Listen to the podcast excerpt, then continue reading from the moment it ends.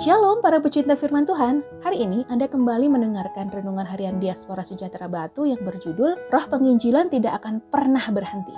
Bacaannya diambil dari Wahyu 11 ayat 11 sampai 14. Tiga setengah hari kemudian, masuklah roh kehidupan dari Allah ke dalam mereka, sehingga mereka bangkit, dan semua orang yang melihat mereka menjadi sangat takut. Dan orang-orang itu mendengar suatu suara yang nyaring dari sorga, berkata kepada mereka, Naiklah kemari. Lalu naiklah mereka ke langit, diselubungi awan, disaksikan oleh musuh-musuh mereka. Pada saat itu terjadilah gempa bumi yang dahsyat, dan sepersepuluh bagian dari kota itu rubuh, dan tujuh ribu orang mati oleh gempa bumi itu. Dan orang-orang lain sangat ketakutan, lalu memuliakan Allah yang di sorga.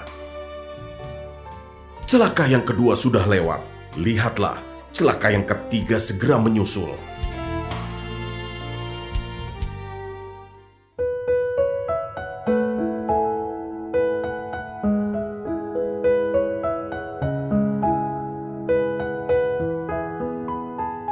Tiga setengah hari kemudian masuklah roh kehidupan dari Allah ke dalam mereka, sehingga mereka bangkit dan semua orang yang melihat mereka menjadi sangat takut.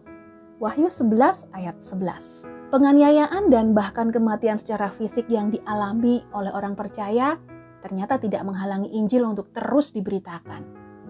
Ketika orang-orang percaya harus mati karena memberitakan Injil, bukan berarti Injil akan terhenti atau hilang di telan bumi.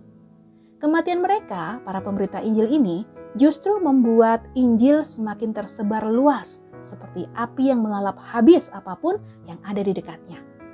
Pekerjaan Tuhan melalui anak-anaknya jika ditekan, maka gereja akan bekerja semakin giat dan berhikmat untuk memberitakan Injil.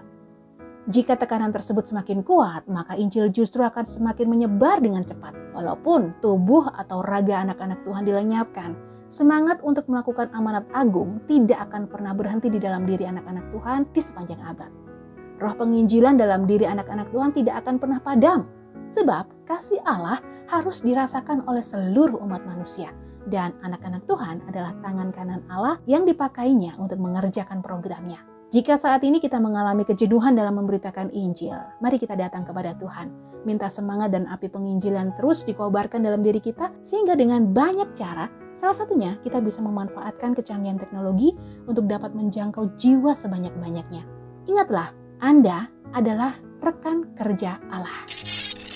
Tetapi sungguh pun kami sebelumnya, seperti kamu tahu, telah dianiaya dan dihina di Filipi, namun dengan pertolongan Allah kita, kami beroleh keberanian untuk memberitakan Injil Allah kepada kamu dalam perjuangan yang berat.